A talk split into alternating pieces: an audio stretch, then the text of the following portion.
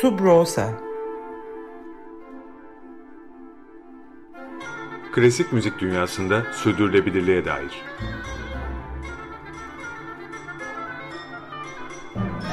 Hazırlayan ve sunanlar Zafer Yenal ve Yaren Eren Budak.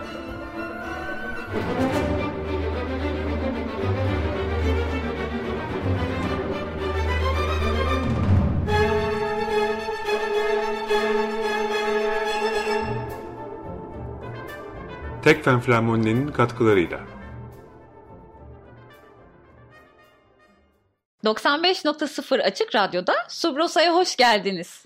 Ben Yaren Eren Budak. Ben Zafer Yenal. Subrosa'da klasik müzik dünyasında sürdürülebilirliğe dair meseleleri ele alıyoruz. Bugün programımızda dünyada ekonomik ve sosyal sürdürülebilirlik açısından en acil sorunların başında gelen bir konuyu ele alacağız. Eğitim. Biraz daha geniş ifadeyle nitelikli ve ulaşılabilir eğitim. Bu hafta konuya eğitimcilerin perspektifinden yaklaşacağız.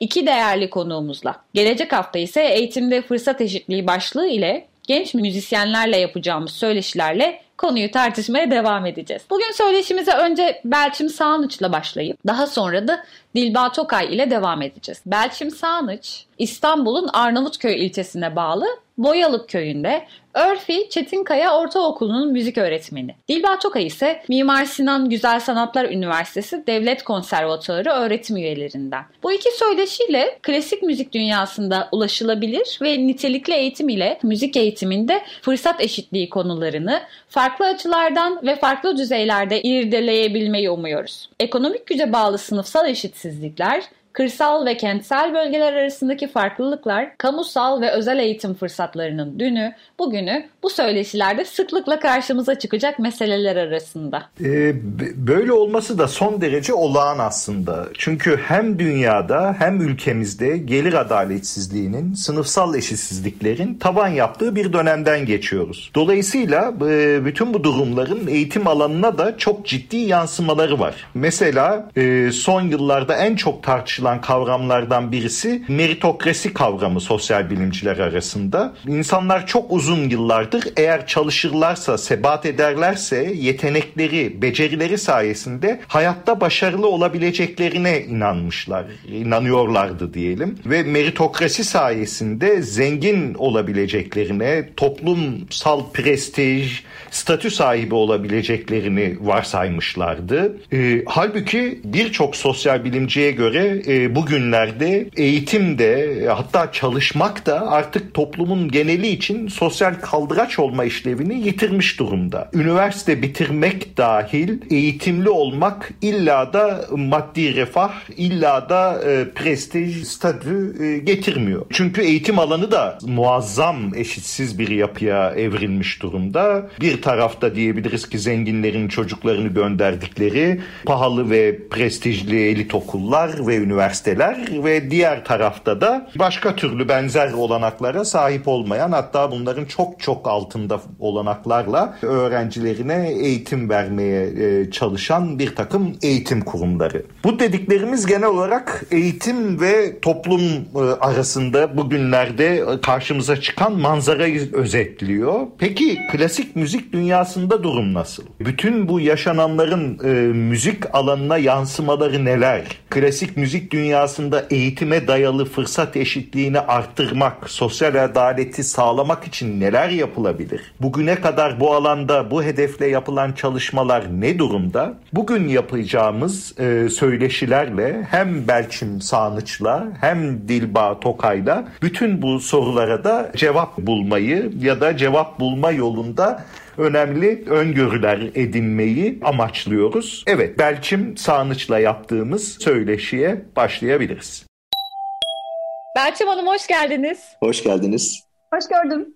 Merhaba. Ee, siz harika bir müzik öğretmenisiniz. Bugün programımızda e, klasik müzik ve eğitim meselesini konuşurken sizden de duyacağımız çok önemli şeyler olduğunu düşündük. Biraz kendi öğretmenlik hayatınızı kısaca anlatır mısınız bize? Tabii. Ben Marmara Üniversitesi Müzik Öğretmenliği bölümünden mezun oldum. İlk görev yerim Esenyurt'ta, İstanbul Esenyurt'taydı. orada e, 55 kişilik sınıflarda ve e, 30 şubeye haftada bir saat müzik öğretmenliği yaparak, daha doğrusu müzik öğretmenliği yapmaya çalışarak öğretmenliğe başladım yani bazı açılardan güzel bir deneyim olduğunu söyleyebilirim. Çünkü gerçekten oradaki çocukların sevgiye ve ilgiye ihtiyacı vardı. Öncelik buydu ama müzik anlamında çok da iyi şeyler yapabildiğim bir okul değildi. Daha sonra yolum hasbel kadar Boyalık köyüne düştü İstanbul'da. Ve köye aşık oldum. Ormanın içerisinde böyle o kadar güzeldi ki dere akıyor, ördekler var. Ve o an dedim ki ya umarım tayin döneminde burada açık olur ve ben burayı yazarım. Ve burada öğretmenlik yapmaya başlarım. Çünkü Esenyurt'ta birazcık biliyorsunuzdur bina ormanı aslında çok e, yapılaşması çok e, güzel bir yer değil. E, ve tayin döneminde müzik öğretmeni açığı vardı orada. Yazdım ve orada öğretmenlik yapmaya başladım. Benim için çok daha farklı bir şey oldu. Çünkü 55 kişilik sınıflardan 15 kişilik sınıfa düştüm. 30 şubeden 4 şubeye düştüm. Haftada bir saat müzik dersinden haftada 3 saat müzik dersine çıktım ve gerçekten müzik öğretmenliği yaptığımı hissettiğim zaman öğretmenliğimin dördüncü yılında başlamış oldu benim. Mükemmel. Bütün köy okullarında mı genelde 3 e, saattir e, müzik dersleri? Hayır değil. E, benim müdürüm sanatsever bir insan ve oradaki çocukların müzik, resim ve beden derslerindeki gelişmelerine çok önem veriyor. Bu sebeple çocuklara seçmeli ders olarak hmm. müzik dersini seçtirdi. Bu yüzden bir saat normal müzik dersi, iki saat seçmeli müzik dersi görüyoruz. Ne kadar güzel. Nasıl bir öğrenci profili var? E, genelde göçmen çocuklar ama tek bir yerden değil farklı e, yani Türkiye'nin farklı noktalarından gelmiş çocuklar. Yani Roman çocuklar da var. İşte doğudan gelen çocuklar da var. Uzun yıllardır o köyde olan çocuklar da var. Bulgaristan göçmenleri de var. Burada taşımalı eğitim e, okulumuz. Yani farklı köylerden çocuklar bizim okula servisle geliyorlar. E, civar köylerdeki ortaokulu olan tek okuluz çünkü biz. Ve genelde e, birazcık daha alt gelir seviyesine ait ailelerin çocukları. Hı hı. Belçim Hanım, çocukların müziğe ilgisi nasıl, müzik derslerine ilgisi nasıl? Hem bir ortalamadan bahsedebilirsiniz hem de biraz daha sivrilen çocuklar varsa biraz belki onları anlatabilirsiniz. Ya bu konuyu anlatmak, anlatmayı düşünmek bile benim gözlerimi dolduruyor. ee, şöyle, ben okula gittiğimde çocukların beraber şarkı söylemek, ya da beraber müzik yapmakla ilgili hiçbir fikirleri yoktu. Çünkü hiç müzik öğretmenleri olmamıştı. Ki zaten çocukların başka öğretmenleri de yok bu arada. Okulun ben gittiğimde tek kadrolu öğretmeni bendim. Bir ben bir de müdürümüz vardı. O ah. kadar. Ee, diğerleri işte ücretli gelen yine emekçi iyi arkadaşlarımız. Biz çocuklarla hı hı. küçük küçük başladık. Ee, benim bir öğrencim okula piyano bağışladı. Piyano dersi verdiğim bir öğrencim, uzun zamandır piyano dersi verdiğim bir öğrencim. Sen bu okulda, bu küçük hı. okulda güzel şeyler yapabilirsin belki deyip piyanosunu kamyonetin arkasına attık ve okula götürdük. Ee, şarkılar söyleyerek başladık çocuklarla. Hayaller kurarak başladık çocuklarla. Onlara gerçekten kendi hayallerimden bahsettim. Onlarla yapmak istediklerimden bahsettim. Ve başladık. Şu anda okulumuzun çok güzel bir korosu var ve bu prestijli bir yer. Okul korosuna girdiğiniz zaman bir prestij sahibi oluyorsunuz. Hmm, o çocuklar koroda deniyor. Çok güzel bir müzik ortamı var. Bilmiyorum belki bir gün gelip ziyaret etmek istersiniz okullar açıldığında. Okulun her alanında flüt çalan, şarkı söyleyen birilerini görebilirsiniz. Koroyu siz mi başlattınız Belçman? Soruyu ben başlattım. Evet ya ben ben başlattım demek istemiyorum. Ben o dönem bana yardımcı olan ve hocam sizinle bu yola çıkarız diyen çocuklarımla başlattım. Kaç yıldır bu koro sürüyor ve e, nasıl bir repertuarı var? E, üç yıl önce atandım. Başladık. üç yıldır devam ediyor koromuz. E, nasıl repertuarımız var? En son e, Türkiye'nin 7 bölgesinden 7 türkü seslendirdiğimiz bir konser verdik. Türküleri söylüyoruz, çalıp söylüyoruz. Bu arada artık şu anda korumuz tabii ki koro değil, bir orkestra ve bir koro. Yani e, çok sesli flüt çalıyoruz. Önde flütçülerim duruyor. Arkada şarkı söyleyenlerim var. İşte e, ritimle eşlik eden, klarnetle eşlik eden öğrencilerim şu anda. Harika. E, çocuk şarkılarımız var. Klasik eserlerin çocuklar için uyarlanmış şarkılarını e, çalıyoruz. E, bir de türkülerimiz var. Bu üç koldan gidiyoruz. Evet. Velilerin yaklaşımı nasıl oldu Belçim Hanım? Anne babaların. Ee, biraz komik oldu çünkü onlar aslında köylerine matematik öğretmeni istiyorlardı. Türkçe öğretmeni istiyorlardı. Karşılığında müzik öğretmeni çıktı.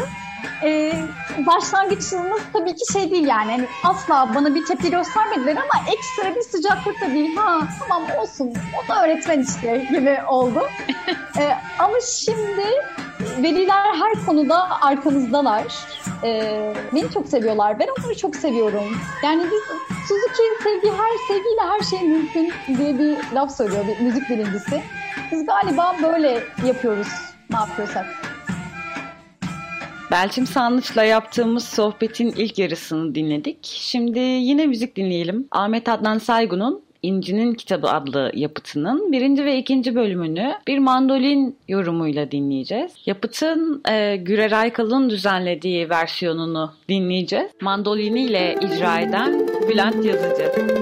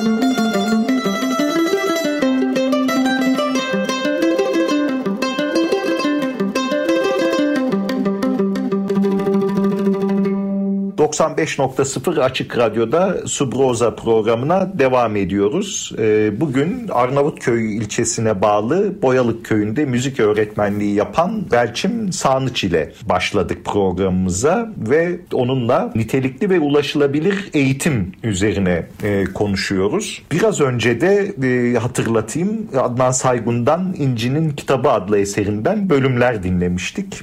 Bizim müzik eğitimindeki e, mandolinin yeri e, malumdur. E, biraz da tabii oraya gönderme yapmak istedik. Belçim öğretmenin, e, Belçim Sağnıç'ın bize ilk bölümde anlattıkları bizi çok duygulandırdı. Onun heyecanı, mesleğine olan düşkünlüğü, yaptıklarına duyduğu inanç büyük moral oldu. Gelecek için umut oldu. Bu arada bizi şu anda Boyalık Örfi Çetinkaya Ortaokulu'nda Arnavutköy'de dinlemekte olan öğrencilere kucak dolusu sevgilerimizi, selamlarımızı gönderiyoruz. Sağ olun, var olun.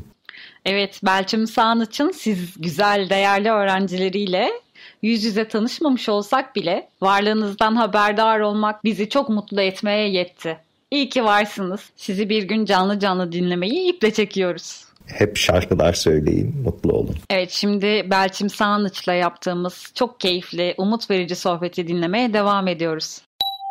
Ee, çocukların hayata bakışında peki bir değişiklik oldu mu müzikle beraber? Neler hissediyorsunuz? Nasıl bir etkisi oldu? En önemli etkisi şimdi bu çocuklar hayatlarında çok fazla bir şey başaramamış, takdir görememiş, işte sınavlarda birinci olamamış, 90'lar yüzler alamamış çocuklar. Bence en önemli etkisi bu çocuklar sahneye çıktılar ve alkışlandılar. Ve e, bizim tabii korumuzun adı duyulunca Arnavutköy'de biz konserlere davet edildik. Ve büyük konserlere, açılışlara, konserlere davet edildik. Ve orada işte büyük büyük insanlar, ilçe milli eğitim müdürü, işte takım elbiseli kişiler gelip çocukları tek tek tebrik ettiler ve onlarda müthiş bir özgüven yarattı. Yani e, ben öğrenmeyi etkileyen faktörlerin en başında akademik özgüven geldiğini düşünüyorum ve benim çocuklarım şu anda özgüvenliler ve hayatlarında bir şeyler yapabileceklerini biliyorlar. Hayata karşı daha istekli olduklarını düşünüyorum. Daha tutunduklarını düşünüyorum. E, bir öğrencim Yarın söylemişti e, hani kişisel bir örnek verebilir misiniz diye. E, roman asıllı bir öğrencim okula geldiğimin ilk yılı müzik dersi varken aşağıda top oynamayı tercih eden bir çocuktu. Mezun olurken koromuzda klarnet çalıyordu hmm. ve gerçekten çok güzel klarnet çalıyor. Çok güzel doğaçlama yapıyor ve biz bunu birlikte yaptık. Yani nereden nereye diye düşünüyorum. Yani aslında tüm sınıfın, e, oradaki tüm çocukların içindeki belki saklı yeteneği ortaya çıkarmışsınız. Peki içlerinde zaten tam da az önce değindiniz. Biraz daha sivrilen çocuklar var mı? Bunu meslek haline getirmeyi düşünen çocuklar var mı? E, var evet. Klarnet çalan öğrenci bunu meslek haline getirmek istiyor. E, hala mezun oldu ama hala irtibat halindeyiz. Zaten e, ben dersim birde de başlasa okula dokuzda gidiyorum. Çocukları topluyorum etrafıma. Belçim Hanım, Türkiye'de genel olarak e, müziğin müziğin eğitimini düşündüğünüzde neler var sorun olarak gördüğünüz, avantaj olarak gördüğünüz? E, ders saatlerinin çok az olması, yani haftada bir gün bir saat 45 dakika ders olması en büyük eksikliğimiz bence. Burada ders saati az ama e, devletten bize gelen müfredat da yoğun. O yüzden orada ben mesela Esenyurt'tayken aynı idealist kişiydim ama neyi yapacağımı şaşırıyordum. Yani önceliğini neye vermem gerekiyordu onu şaşırıyordum. Bu yüzden aslında öğretmenleri ya da müzik dersini çok da verimli işleyemeyen öğretmenleri yadırgayamıyorum. Çünkü az, vakit az. Belki bu konuda bir düzenleme yapılabilir diye düşünüyorum. Müfredatla ilgili aslında düzenlemeler yapmamız lazım. Yani çocuklara çok uygun müfredatlar olduğunu düşünmüyorum. Yani çok fazla bilgi veriyoruz ama aslında müzik uygulama işidir. O kadar çok e, bilgi değil de uygularken öğrenmek muhtemelen daha kalıcı ve daha eğlenceli olacaktır. Maalesef çok parlak şeyler söyleyemeyeceğim ülkemizdeki müzik eğitimiyle ilgili. Müzik öğretmenliği eğitimini nasıl buluyorsunuz? Evet çok önemli hakikaten. Ne dersiniz? Öyle. Ben müzik öğretmeni olacakmış gibi yetiştirilmedim. Yani ben sonatlar çalmak üzerine, işte konserler vermek üzerine yetiştirildim. Keşke daha çok müzik öğretmeni olmak için olmak üzerine yetiştirilseydim. Keşke daha çok uygulama yapma, görme şansım olsaymış. Keşke stajları dördüncü sınıfın birinci döneminde değil de birinci sınıftan itibaren iyi öğretmenlerin elinde usta çırak gibi görseymişim, sınıfı solusaymışım. E, ve mesela bizim okullarımızda şöyle bir şey var doğruya doğru. E, müzik öğretmeni olmayı biz müzisyen olamazsam müzik öğretmeni olurum gibi görüyoruz. Yani onu bir hedef değil de hedefe ulaşamazsak bulacağımız yermiş gibi görüyoruz. Evet ne yazık ki. Can simidi gibi görüyoruz. Evet ama bu değil. Bu çok değerli bir meslek.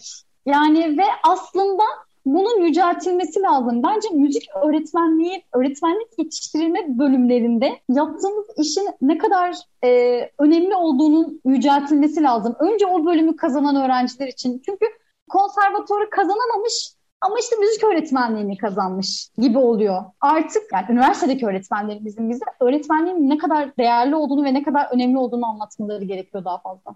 Vallahi çok çok teşekkürler Belçim Hanım. Sizin eklemek istediğiniz son bir söylemek istediğiniz bir şeyler var mı? Çok teşekkür ederim. Yani ben çok küçük bir köy okulunda Boyalık'ta öğretmen olup böyle sesimi duyurabildiğim için bana bu şansı verebildiğiniz için, verdiğiniz için çok çok teşekkür ederim. Hazine gibi şeyler anlattınız bize. Çok teşekkür ederiz. 95.0 Açık Radyo'da Subrosa'yı dinlemeye devam ediyorsunuz. Belçim Sağlıç'la yaptığımız çok keyifli, çok ilham verici sohbetin sonuna geldik. Kendisine ve öğrencilerine bir kez daha sevgilerimizi iletiyoruz. Programımızın şimdiki kısmında konuğumuz Dilba Tokay olacak. Dilba Tokay, Mimar Sinan Güzel Sanatlar Üniversitesi Devlet Konservatuarı'nda violonsel bölümünde öğretim üyesi. Kendi violonsel öğrenimi yine Mimar Sinan Güzel Sanatlar Üniversitesi'nde Profesör Reşit Erzin'le başlıyor. E, 2008 yılında yine aynı konservatuarın sanatta yeterlik programından mezun olarak öğrenimini tamamlıyor. Dilba Tokay'ın eğitmen olarak aldığı ödüller arasında 2015 yılında Bulgaristan ve İtalya'dan aldığı en iyi eğitmen ödüllerinin yanı sıra 2006 yılında Hırvatistan'da 6. Uluslararası Antonio Janigro violonsel yarışmasında en başarılı hoca ödülü, 2007-2015 yıllarında Bulgaristan'da Uluslararası Alman ve Avusturya Müziği yarışmasında yüksek eğitmen ödülü, 2007 yılında İtalya'da 17. Uluslararası Genç Müzisyenler yarışmasında hocalık erdem ödülü, 2010 yılında ise Andante dergisi klasik müzik ödüllerinde yılın müzik eğitmeni ödülleri yer almakta. Dilba Tokay'la yaptığımız çok keyifli söyleşiyi dinlemeye başlıyoruz. Dilba Hanım hoş geldiniz. Hoş geldiniz. Hoş bulduk. Dilba Hanım e, çok çok değerli bir cello eğitmenisiniz. Cellistsiniz ve çok çok yetenekli genç cellistler, müzisyenler yetiştirdiniz. Mimar Sinan'da hocalık yapıyorsunuz. Nedir öğrencilerinizin durumu? Var mı şu anda da genç yetenekler, genç cellist adayları? Nasıl şu anda genel durum cello eğitiminde? Genel durum hem ülkemizde her e, şehirde de böyle olduğunu da düşünüyorum. Her zaman e, heyecan duyacağımız gençlerimiz var. Her okulda, her konservatuvarda olduğunu düşünüyorum. E, çünkü bizler heyecanla eğer işimize devam ediyorsak bu sadece birlikte olduğumuz öğrenciler sayesinde oluyor. Her dönemde de olsun istiyoruz bizi bize o iğmeyi verecek olan. Çünkü bizler de öğrencilerden çok şey kazanıyor, öğreniyoruz. E, bu uzun yolda. Hangi yaş gruplarında e, öğrenciler yetiştiriyorsunuz? Biz Mimar Sinan Güzel Sanatlar Üniversitesi İstanbul Devlet Konservatuarı olarak hem çocuk konservatuarımız var, ilkokul birinci ve ikinci sınıfları içeren. Ardından yarı zamanlı e, müzik ve bale eğitimini içeren üçüncü, dördüncü sınıflarımız var. Ardından öğrenci isterse yarı zamanlı olarak eğitimine devam edebiliyor. Ya da e, hocaları da e, o ışığı görüyorsa, öğrenci de artık yoluna sanatla devam etmek istiyorsa tam zamanlı eğitime geçme e, seçeneği var. E, o da 5. sınıftan itibaren bale ve müzik için tam zamanlı e, eğitim şansı var. Bu yolun sonu da orta öğretim 4 sene, lise 4 sene ve üniversitede 4 sene olmak üzere tam zamanlı 12 senelik bir eğitimden bahsediyoruz. Ee, üstü tabii ki her zaman mümkün. Ee, yüksek lisans ve e, doktora dediğimiz sanatta yeterlik bizdeki ismi. Dolayısıyla oldukça uzun bir yolculuk. Enstrüman eğitimi bir bir eğitim öncelikle. Sınıf eğitimi vermiyoruz. Dolayısıyla e, her öğrencimizle teke tek e, çalışma sürdürüyoruz. Ama biz usta çırak e, ilişkisine çok inanan, bu ekolden gelen bir alanda olduğumuzu düşünüyorum. Dolayısıyla derslerimiz atölye gibi izlemek isteyen diğer öğrencilere her zaman açık oluyor. Yani bazen küçük bir sınıfın dersini üst sınıf e, yine viyolonsel öğrencim izleyebilir. Bazen mezuniyet sınıfındaki bir öğrencinin dersini en başındaki bu yolculuğun başındaki öğrenci izleyebilir. Böylece e, heyecan duyabilir. Böylece hangi seviyede ne tip zorluklar var, e, hangi aşamalardan geçeceğini öngörebilir ve elden ele bir e, alanda olduğumuzu düşünüyorum. Ne kadar çok birine dinletebiliyorsak ayrıca o da bizim hem paylaşımımızı hem sahne tecrübemizi ufak ufak başlatmış oluyor küçük yaşlardan itibaren. Dilba Hanım size her müzik meraklısının bir enstrümana başlamak isteyen her insanın sorduğu o soruyu soracağım. Bir müzisyen kaç yılda yetişir? Ama bir de şuna ayrıca cevap vermenizi isteyeceğim. Bir profesyonel müzisyen kaç yılda yetişir? Öğrencilik süresi yaklaşık olarak profesyonel bir müzisyenin e, ülkemizdeki e, durumunda 12 sene e, lisanstan mezun olabilmesi için. En uzun süre çalıştığınız öğrencinizle ne kadar süre çalıştınız? Emirhan Tunca 12 sene okudu zannediyorum ya da 11 sene okudu. Nil Kocamangil kesin 11 sene okudu. Emirhan bir başka hocayla başladığı için o da zannediyorum 11 sene. Ardından yurt dışına gittiler. E, Emirhan Tunca şu anda Manhattan School of Music'te hocalık yapıyor. Nil Kocamangil yurt dışında e, çalışmadığı hoca, okumadığı okul kalmadı e, ve şu anda ülkemize döndü. Konservatuarlarda şöyle bir anlayış e, var. Artık biraz daha o değişmek üzere ama e, bir hoca öğrencisini e, bir başka hocayla çalışmasını, bir başka ekolle tanışmasını çok çok e, olumlu görmüyor. Buna çok sıcak bakmıyor. Siz bunun tersini düşünen bir eğitmensiniz ve e, öğrencilerinizi yeni hocalarla, e, yeni yaklaşımlarla tanıştırmaktan keyif alıyorsunuz. Hmm. Bir öğrencinin farklı farklı ekollerden, e, hocalardan faydalanmasını nasıl görüyorsunuz? Tabii herkes kendi e, hayatı boyunca başına gelenlerden çok büyük kazanımlar, tecrübeler ediniyor. Ben de öğrenciliğim e, sırasında sadece okulda ve sadece kendi hocamla bu yolu e, aşacağımı düşünürken masterclasslarla tanıştım. E, tabii bu benim lise son e, gibi bir devreme geldi. Ülkemizde olan e, masterclasslar.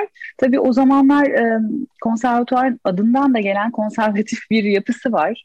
E, aslında çok evrensel, çok açık bir e, alanda olmamıza rağmen hem e, eser yorumlama kısmında hem eğitim kısmında bazen e, bu tür durumlarla karşılaşabiliyoruz. Zannediyorum şu anda bu biraz daha farklı bir noktaya geldi, aşıldı. Bu biraz tabii hem e, ülkede sanat eğitiminin kendini bulması, kendine güvenebiliyor olması hem eğitimci olarak bizlerin kendimize güvenimizle de biraz ilgisi var. Çünkü o güven boşlukları bazen e, çocukların sizden kopacağı ile ilgili bir e, kaygı belki hocada yaratıyor olabilir. Eğer öyle bir boşluk yoksa hayatınızda o zaman rahatlıyorsunuz. o zaman e, daha farklı bir noktada olabiliyor öğrencilerinizde. Ben e, kendim masterclasslara biraz geç gidebildim.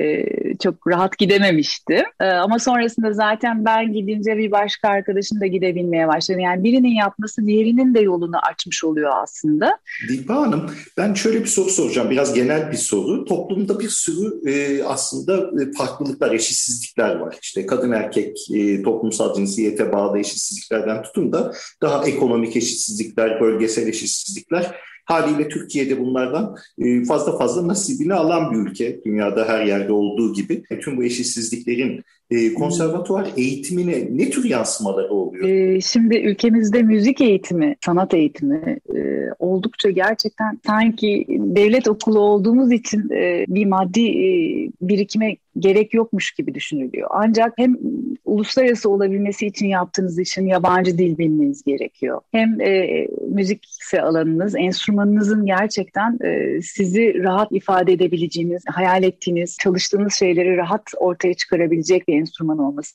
gerekiyor. Çeşitli hocalarla çalışmak için masterclasslara gitmek, yarışmalara gitmeniz gerekebiliyor. Bu durumda gerçekten ekonomik durum çok büyük bir artı sağlıyor eğer bir rahatlık varsa öğrenci ve ailesinde. Eğer yoksa da bunun e, dezavantajını e, yaşamaması için çeşitli kurumlar e, ya da kişilerle o çocukların bunu yaşamaması adına yani fırsat eşitliği, eğitimde fırsat eşitliğini sağlayabilecek bir noktayı hocanın da öğrencinin de araması gerekiyor ki durumu olan arkadaşları gibi o da bu fırsatlardan yararlanabilsin. Ben bu aşamada çeşitli burslar var, kurumların bursları var ve bunlar çok çok değerli ama kurumlar olmasa eğer o, bulamadıysak bir kurum desteği kişisel, bireysel e, arayışların da e, zaman zaman çok büyük faydasını gördük, bulabildik bu değerli insanlarla buluştu yollarımız ve şunu gördüm ki aslında istediğiniz şey para değilse yani bir madde değil de edinmek istediğiniz bir tecrübe ise bunu desteklemek için hem kurumlar hem de insanlar daha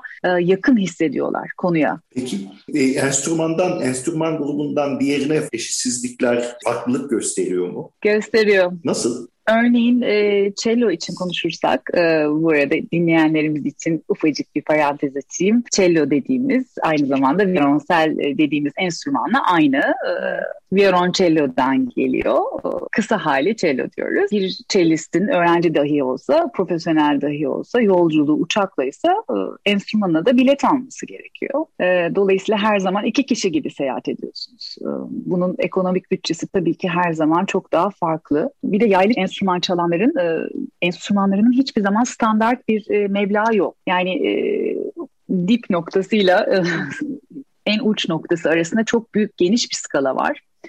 E, dolayısıyla e, bir mezun öğrencinin elinde e, gerçekten euro bazında e, bir ev e, meblağı Türkiye'de bir ev, İstanbul'da bir ev meblağı e, verilmesi gerekiyor ki e, o genç yurt dışındaki akranlarıyla aynı fırsat eşitliğinde olsun. Çünkü bizler çok daha e, elverişsiz enstrümanlarla aynı konser salonlarında aynı yarışmalarda boy ölçme ölçüyoruz onlarla. Çok e, sıkıntılı bir durum oluyor. Piyanistler için evlerinde piyano olması çok tabii e, hem önemli hem onlar için gelişmeler için çok değerli. Yine iki soruyu birleştireceğim. E, konservatuarların enstrüman tasihi ne durumda? Yani öğrencilere e, e enstrüman hmm. sağlıyor değil mi konservatuarlar? İkincisi e, sıfırdan başlayan bir e, profesyonel müzisyen adayı için nasıl bir enstrüman tavsiye edersiniz? E, sıfırdan başlayan e, öğrenciler için dediğimiz noktada eğer üçüncü sınıf, ilk, ilk öğretim üçüncü sınıf ya da beşinci sınıfsa e, ben genelde çok e, yani en önce icranın e, enstrümanın önüne geçmesi ve ihtiyaç gerektiği için o enstrümanla kavuşmasını öneren bir e, hocayım diyelim. Yani e, daha yeni ehliyet almış bir çocuğa çok hani hızlı giden bir araba vermekten yana değilim e, gibi bir örnekleme yapabilirim. Bunun için belli başlı yerler var. Daha fabrikasyon e, ama onların da en sağlıklı ölçülerde olan e, başlangıç seviyesindeki enstrümanlar e, yeterli oluyor. Çocuk geliştikçe e, o enstrümanın önüne geçmeye başladığı zaman hep bir aileden tabii ki bir birikim yapmasını rica ediyoruz. Ee, çocuk ne zaman ki enstrümanın ilerisine geçiyor o zaman bir diğer enstrüman arayışı oluyor ama dediğim gibi e, meblalar e, ne yazık ki euro bazında. E, enstrüman konusu bitmeyen bir konu yani her zaman her müzisyenin Bitmeyen bir konu. Evet. Yalnızca aksesuarlar bile artık onlar da euro bazında satıldığı için onlar bile baş edilmesi çok çok zor noktalara geldiler. Evet, evet doğru. Okulun enstrümanını sormuştunuz. Bizim konservatuarımız bazında söyleyebilirim. Elbette enstrümanlarımız var ama onlar öğrencinin gerçekten öğrenciliği sırasında çalabileceği seviyede olan enstrümanlar. Ee, onun dışında da iki tane güzel enstrümanımız var. Biri e, hocalarımızın okulda ders verirken kullanımı için bir diğeri de e, konser e, verme noktasında orkestra önünde solist olarak e, konser verme noktasında cevap verebilecek nitelikte oldukça iyi bir enstrüman ama bu tabii bizim okulumuzun şansı. Bu şansa sahip olamamış okullar da olabilir. Bunlar da genelde bu bağışla oluyor. Yani ne yazık ki hayata veda etmiş, vefat etmiş bir cellist uygun görürse kendisi ya da ailesi e, bu vefattan sonra e, konservatuarımızda hem nota bağışı hem de iki violonsel bağışında bulundu. Onun gibi çeşitli girişimler olabiliyor. Okuluna e, göre gerçekten bu çeşitlilik gösteriyor. Evet, Dilba Hanım'la e, yaptığımız harika söyleşiye devam edeceğiz. Şimdi Bach dinleyelim. Bach'ın bir koro yapıtını, bir koral yapıtını dinleyelim. Come Sweet Dead. Rezonans korosu seslendirecek. Rezonans korosunun adı Belçim Hanım'la da yan yana geçmişti hatırlarsınız. Konuk şef Eric Whittaker ve daimi şef ve sanat yönetmeni Burak Onur Erdem. Johann Sebastian Bach'ın eğitimci kişiliğini burada e, hatırlayalım istedik. Bir Bach koral eserinin Edwin London tarafından yeniden düzenlemesi olan bu eserde koro öncelikle eserin tamamını seslendirir. İkinci tekrarda eserin yalnızca ilk motifi seslendirilerek bir koreografi eşliğinde tüm koronun birlikte söylemesi devam eder. Eserin devamındaki üçüncü tekrarda ise her bir korist kendi zaman algısı içerisinde motifi ve koreografiyi tekrar eder. Yani aynı eseri bu defa birlikte değil her koristen ayrı ayrı dinleriz. Oluşturulan armoni bulutu içerisinde ise sadece müziğin kişiye özgülüğü değil, birlikteliğin renkleri de saklıdır. Son korist melodisini ve koreografisini bitirmeden eser sonlanmaz. Yani tam anlamıyla gerçek bir çok seslilik örneği.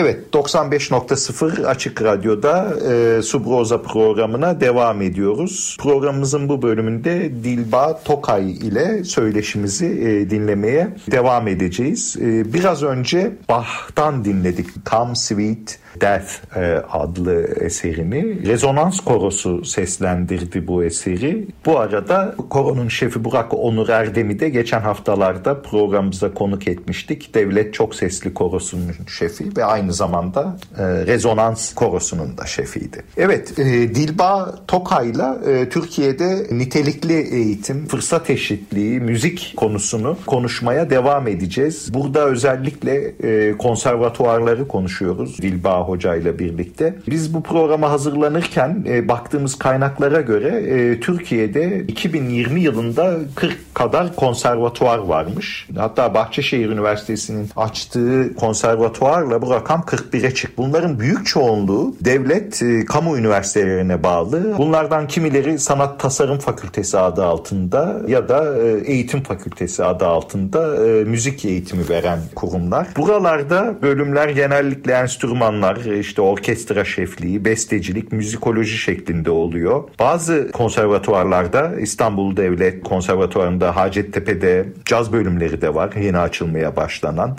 İTÜ'de müzik teknolojileri bölümleri var. Bunlar genellikle 4 yıllık lisans bölümleri ama yarı zamanlı programlar da oluyor değil mi Yaren?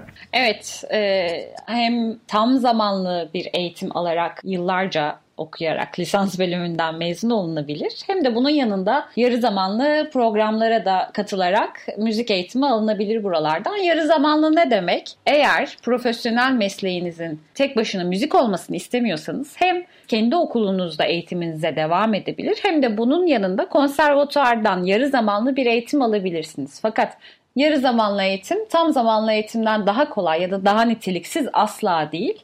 Yarı zamanlı programları girebilmek için de yine sınavlarla e, baş etmek zorundasınız.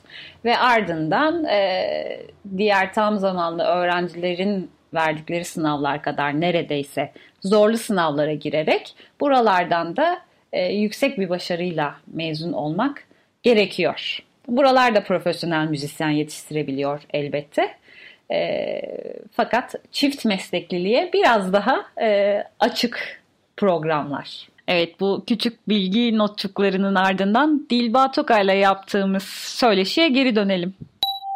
Sizin yurt dışına giden yurt dışına gönderdiğiniz öğrencileriniz de var. Evet. Ee, nasıl oradaki hayatları? Ya, korkulacak bir şey midir yurt dışına gitmek? Nasıl karşılanıyorlar orada? Şimdiye dek hem cimnazyuma gitmiş, Almanya'da cimnazyuma gitmiş yani lise devresinde gitmiş öğrencim var. Hem Almanya hem Norveç için söyleyeyim. Onun da dışında lisansı okumaya gitmiş. Yani liseyi bitirdikten sonra gitmiş olanlar var ve yüksek lisansı okumak için lisans sonrası giden öğrencilerim var. İlginç aslında her çocuğun gitme e, yaşı tabii ki kendi kişiliği, kendi psikolojik yeterliliği ve ailenin onu yetiştiriş e, şekline göre e, çeşitlilik gösteriyor. Kimi öğrencimiz için umarız lisede liseyi bitirince gider noktasındayız. Kimi öğrencimiz için yüksek lisansa gitse daha iyi olur noktasındayız. Bunun için bazen burslar da etkili oluyor tabii ki burs alıp alamayacağım. Ama şu ana kadar gitmiş öğrenci öğrencilerim işte dediğim gibi e, Almanya, Hollanda'da var. Hollanda'da barok cello okuyan bir öğrencim var. E, ben şöyle düşünüyorum, e, müzisyen bir genç e, performansında canlı ya da video olarak performansında başarılıysa, nereye gitmek istiyorsa o ışığı gören birisi muhakkak çıkacaktır. Her e, parlak genç e, asla e, toprağın altında kalmıyor. Tıpkı bir, tıpkı bir mücevher gibi e, muhakkak e, bir şekilde fark ediliyor, görülüyor ve e, kazanılmak isteniliyor. Her parlak genç bir mücevher gibi keşfediliyor dediniz. Biz mesela bir e, sokakta olsun, bir yerde yemek yerken falan genelde müzik yapanlar hep e, karşımıza çıkanlar hmm. romanlar olur. E, ondan sonra e, bizim e, en çok hani müzikle belki de e, birleştirdiğimiz e, ondan sonra e, grup e, romanlardır. Ne kadar e, mesela e, ki onların da herhalde müziğe karşı bir şekilde yeteneği falan vardır. E, konservatuvarda mesela ne bir yansıması oluyor mu bu durumun? Ne kadar bu e, temsiliye orada da görülür e, ya da görülmez durumda? Özellikle son 5-6 yıldır çok fazla e, dediğiniz şekilde öğrencimiz var. Bu öğrencilere e, katacağımız çok şey olduğu gibi onlardan da edindiğimiz tabii kazanımlar çok. Bir kere oldukça yetenekliler, çok açıklar. e, ifade güçleri gerçekten e, inanılmaz. E, rahat olmanın verdiği e, hmm inanılmaz e, avantajlar yaşıyorlar. Fakat e, tabii bir sanatçının vizyonunun ne olduğu, düşüncesinin, fikrinin ne olduğu, kendini neyle beslediği e, gerçekten günün sonunda e, demeyelim ama tüm sürecin içerisinde çok çok değerli. Bu anlamda da ailenin vereceği e, genel kültür, kültür ya da e, evde e, verebileceği kazanımlar da çok çok mühim. Dolayısıyla siz okulda müzik eğitimini e, enstrüman hocası konusu olarak bizler e, ve teori hocaları elbette bunu eğitim eşitliğini sağlayarak her öğrenciye ulaşıyorlar. Ama bunu performans e, bazlı düşünürseniz sadece yani konser nasıldı diye sorarsanız ya da sınav nasıldı diye sorarsanız başarı olabiliyor ama e, mezun oldukları günden itibaren a, hayata bakış açılarının ne olduğu ile ilgilenmeliyiz. Çünkü bence konservatuar ya da herhangi bir okul, müzik okulu için konuşuyorum, okul olmanın dışındadır. Hayat hayatın provasıdır bence. Yani biz profesyonel hayatta nasıl müzisyenler görmek istiyorsak o müzisyenleri konservatuarda o şekilde yetiştirmeliyiz. Yani performansın provasını yapıyor olmalıyız. Dolayısıyla ben e, dört dörtlük çalan bir e, müzisyen yetiştirmek, hatasız çalan bir müzisyen yetiştirmek, pis basmayan diyoruz biz, entonasyonu doğru basan e, bir müzisyen yetiştirmenin elbette peşindeyiz. Ama bana ne katıyor, onu dinlemek bana ne katıyor, bana ne düşündürdü, bana ne hissettirdi kısmının da sadece müzikle olmadığını e, söylemem gerekiyor sanatın diğer alanlarında disiplinler arası e, ilişki kurabilmek, o konulara merak e, sahibi olmak, bir sergiye gitmekten ayrıca keyif almak, kitap okumak konularında hangi öğrenciye ulaşabildiysek o öğrencide farklılıklar e, görüyoruz sonrasında. Yani bu sadece sorduğunuz öğrenciler için e, sınırlı değil, elbette her öğrencimiz geçerli. Bir de madde bağımlısı dediğim e, kısım müzisyenlerin e, hayatı su içerek geçmiyor. Kaldı ki su bile parasız değil. E, hepimizin kadroya, işe e, ve hayatımızı devam ettirebilecek bir maddi kazanca ihtiyacı var. Ama önceliğin bu olduğu bir ailede ya da dünyada doğduğunuz zaman e, durumunuz daha farklı olabiliyor. Dolayısıyla biz öğrenciyken bile televizyon programlarının arkasında çalan e, öğrencileri gerçekten görüyoruz. O zaman e, üzülüyoruz. O tüm verebileceği e, zamanı kendini geliştirmek için değil, e, bir şekilde ailesine belki de e, yardımcı olabilmek için o zamandan kullanıyor diye. Bu anlamda da belki destek bu çocukların dışarıda bir arayışa geçmesine değil, kendilerini geliştirmek için e, devamına yolun e, şeklinde oluşur diye düşünüyoruz. Bir de şu son dönemde özellikle Covid döneminde son bir buçuk senedir, iki senedir neredeyse çok fazla müzisyenlerin içinde bulunduğu maddi zorluklarla ilgili haberler duyduk e, herkes duydu. Özellikle işte son bir iki haftada da bu haberlerde bir artış oldu. İşte açıklanan desteklere e, ve işte açılma programına bağlı olarak falan. Ne dersiniz bu geçtiğimiz dönem e, insanların müzisyen olma e, klasik müzikle ilgilenme ve bu yönde bir kariyer yapma yönündeki arzularını, e, şevklerini nasıl etkilemiştir, etkilemiş midir e,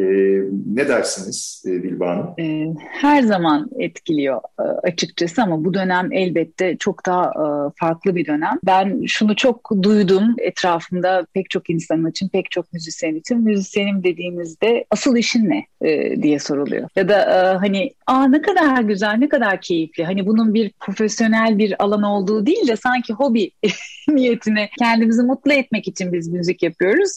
Mutlulukla hayatımızı devam ettiriyoruz gibi bir sahnedeyiz sanki. Hani hayatın içinde değiliz de sahnedeymişiz gibi bir e, durum var insanların gözünde. Konservatuara ailelerin çocuklarını sokmasının çok büyük bir yüzdesi aslında ne kadar güzel 5. E, sınıfta ben oğlumu, kızımı konservatuara yazdırıyorum.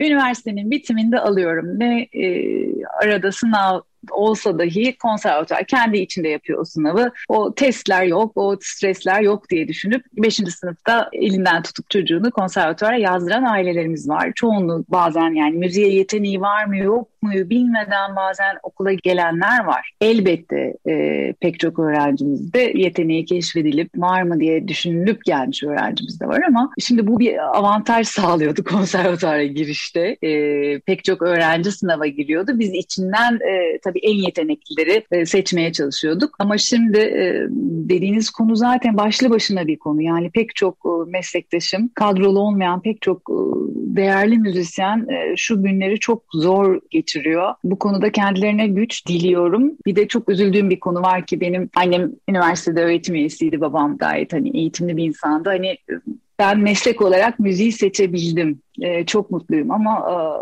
hani ekonomik düzeyi yüksek olan ailelerin çocukları, eğitimli ailelerin çocukları konservatuara sadece yarı zamanlı geliyor.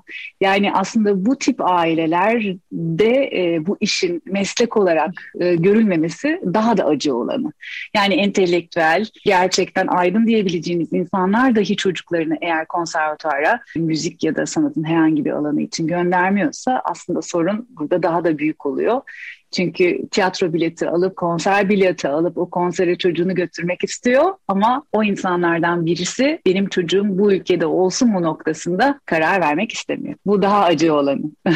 Evet, Dilba Hanım'la yaptığımız şahane söyleşinin sonuna geldik. Dilba Hanım bugün bize e, burs olanaklarının e, müzik öğrencilerine yapılan burs olanaklarının, okullara yapılan enstrüman bağışlarının ne kadar önemli olduğunu, e, yurt dışına giden öğrencilerin e, oralardaki deneyimlerini, bütün bunların e, eğitimde sürdürülebilirlik ve fırsat eşitliğine dair e, bağlamını ortaya koydu. Böylelikle Türkiye'de konservatuar eğitimi hakkında, bu eğitimin ne kadar sürdüğü, e, eğitimin içeriği ve öğrencilerin ve velilerin buralardan neler beklemesi gerektiği konusunda epey geniş bir bilgiye ulaşmış olduk. Hem Belçim Hanım'a hem de Dilba Hanım'a Bugün bize anlattıkları her şey için çok teşekkür ediyoruz. Gelelim programımızın kapanış müziğine. Bugünün kapanış müziğini Dilba Tokay'ın bir öğrencisi olan Umut Sağlam'dan dinleyeceğiz. Önce sizlere biraz Umut Sağlam'dan bahsedelim. 2014 yılında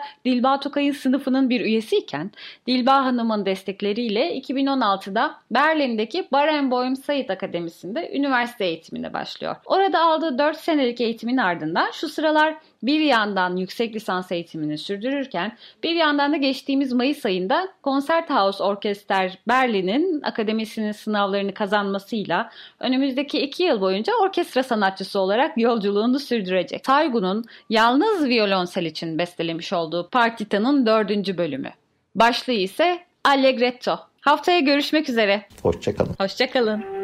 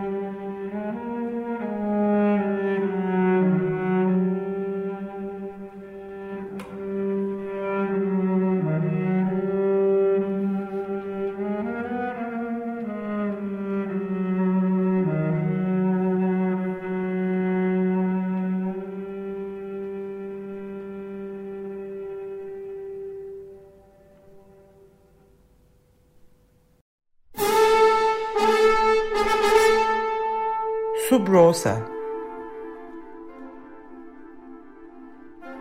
Klasik müzik dünyasında sürdürülebilirliğe dair.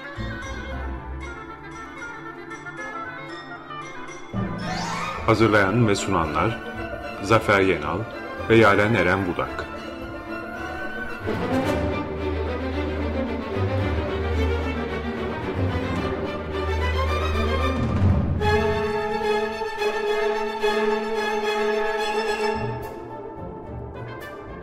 Tekfen Flamoni'nin katkılarıyla